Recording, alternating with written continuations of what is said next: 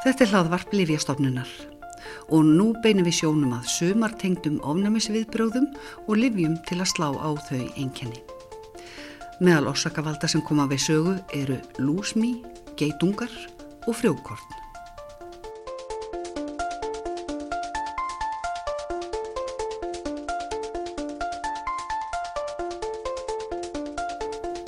Það er sumar.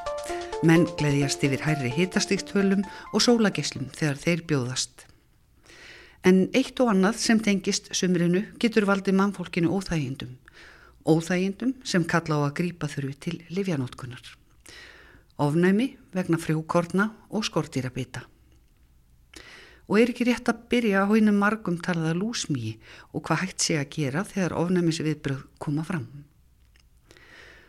Af myndum að dæma sem byrst hafa víða virðist bit lúsmísins hafa í förmið sér nokkuð kröftug ofnæmisviðbröð, talsverðan þróta og róða.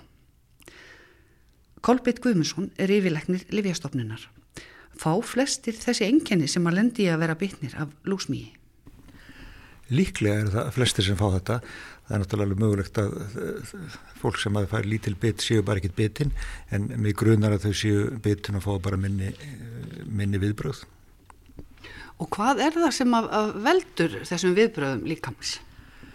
Eins og segið þá er þetta ofnæmis viðbröð og ekki sjálfur sér við eh, stungunni sjálfur heldur við efnum sem að flugan spröytar inn í okkur til þess að í rauninni eh, þinna í okkur blóðu svo að þessu auðvöld er að drekka það.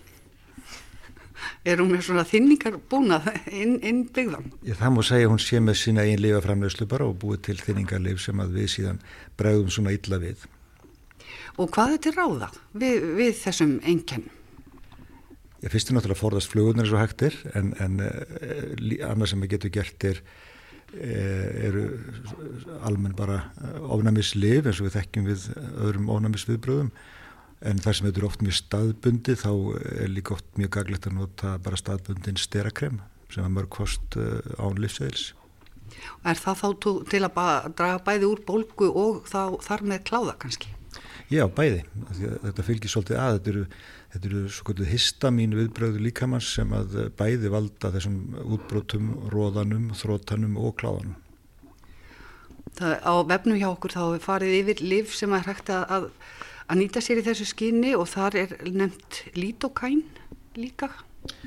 Já, að minni reynslu það er nú kannski ekki mikið nota, þetta eru yfirleitt ekki miklu verkir þessu samfara. Þannig að þetta er aðalega kláði og, og slík óþægandi vissulega má alveg hugsa sér að nota það í undartæringatilfellum. Það er að segja ef, ef óþægindin eru, eru mjög mikil. Já, ef þetta eru meira verkir heldur en kláði. Eru þetta þá líf sem er hægt að fá án livsseðils yfirleitt?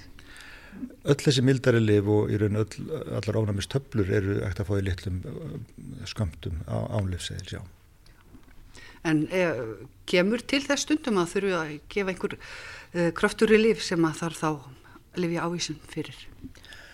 Vissulega er það og eh, ef að eh, útbrotin eru mjög svæsin og breyðast út þá getur þurft uh, sterkari styrra krem og ef að algjör myndatekningatilfellin þar sem menn fá almenn ofnæmis viðbröð því tala ekki um að þau fá öndunur erfileika þróta í andliti, munni eða koki eitthvað slíkt sem að þarnast þá í raunni mjög skjótra viðbræða og þá er ekki bara spurningum uh, livsseðilskild liv heldur reynilega bara læknis hjálp sem fyrst en, en það er uh, náttúrulega algjör undatekning og þá þarf ég að gefa stera í töfluformi eða, eða reynilega í æð.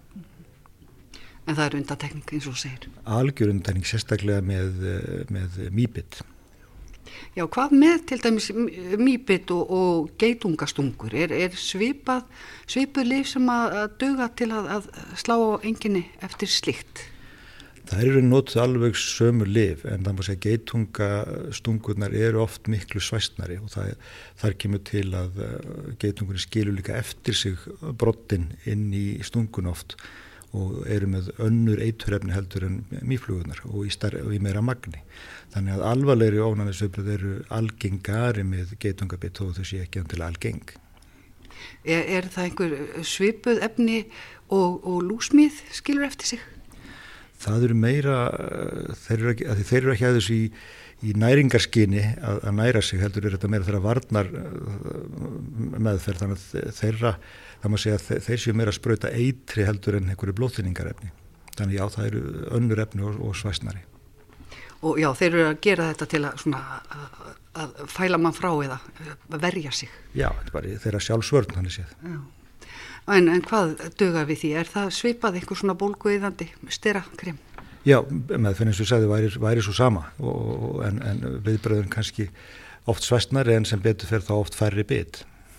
Oftast bara eitt. En uh, aðrir ofnæmisvaldar á sömrin, það uh, frjókorna ofnæmið, eru, er þetta samskonar ofnæmisviðbröð í líkamannum og, og við skortirabitunum? Í grunninn já, en þarna eru að tala um yfirleitt viðbröð frá slímhúð frekar en húð, þannig að við upplöfum það kannski aðeins öðruvísi. Þetta þá getur verið staðböndi bara við nef eða augu nú eða lungu jafnvel að maður er með útsettu fyrir slíku.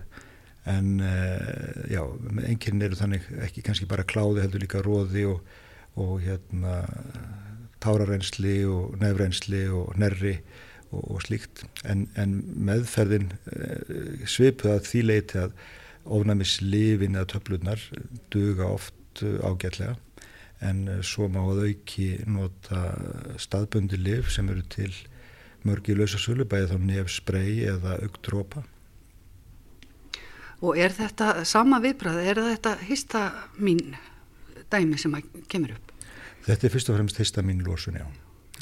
En eitt sem kannski oft gleymist í, í því samengi að þar eh, gleymist oft að, að eh, til dæmis í nefhólunu þar eh, sapnast þessi litlu ósýnilegu frjókort fyrir í slímhóðinni og halda áfram að erta Þannig að það er oft skynsand líka bara að skóla vel á sér nefið eftir útíveru til þess að það haldi ekki áfram að erta nefslímhúðuna. Það gerir oft meira gagn þá, og þá samliða liða með fyrirni.